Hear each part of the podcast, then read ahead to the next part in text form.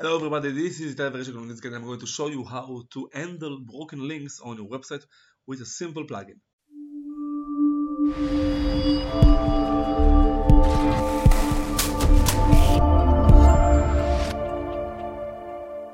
Okay, so first of all, in order to be able to check your broken links, you can download a plugin. That's called Broken Links Checker.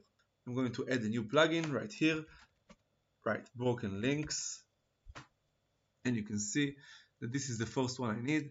It right now. It has a lot of active installations, good reviews, and it's compatible with your version of WordPress. After this, I activate the plugin, then I can edit it. So you have two options to edit it. Right down here, you can see the link checker tab. You can see it has cloud, which is new, and local, which is old. On the local, you can add your settings and see the list of your broken links on the website. But if you have a cloud option, you can of course enable it and activate your account on their cloud. Right here you can connect it to WPMU Dev Cloud. This is the service that gives you to view your list of broken links on their website. Right here you give the connection to that website. You can give the credentials of the administrator so it can scan your website from the server so I just copy paste the credentials and I connect the website.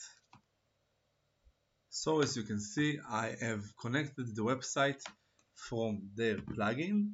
Sometimes it makes a problem for the security issues, but here when you download the plugin of WPMU Dev, you can connect it right away and you can go to the dashboard and see how it looks like of course activate the analytics they have and so on but now you are connected to their cloud so you can manage the broken links from their cloud. But let's take the example that I just manage it right here from my dashboard from the website the local website. I just click on that and I enable the local broken link checker. If I have some broken links I will see them right here and I can of course edit them. On the settings I'll go through very quickly. You can check each link every 72 hours or 24 hours you decide. You can get the notifications on the email which is the settings general of the website email.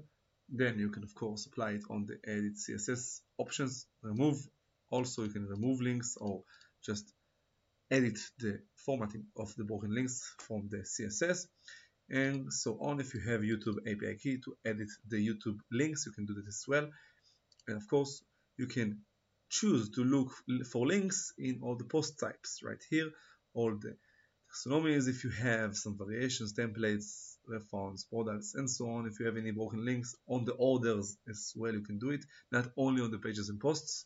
And of course choose the statuses that you want from. So the plugin will check on the posts and the products and also the pages and also the comments if you have. Right here I don't have the products checked so I check it right now and save changes now let's go through the other tab which links to check. Of course you can make it check also plain text URLs, embedded Google video, of course so on all these types of links that you want and exclude what you don't want right here on this list.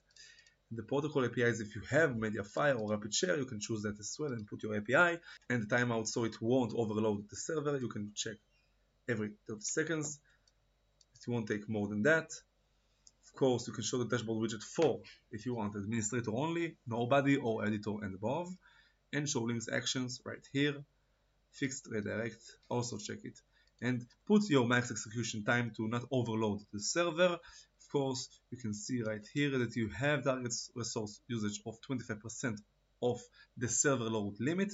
Don't put it too much or too high so it won't overload your website and your server, of course all the other websites.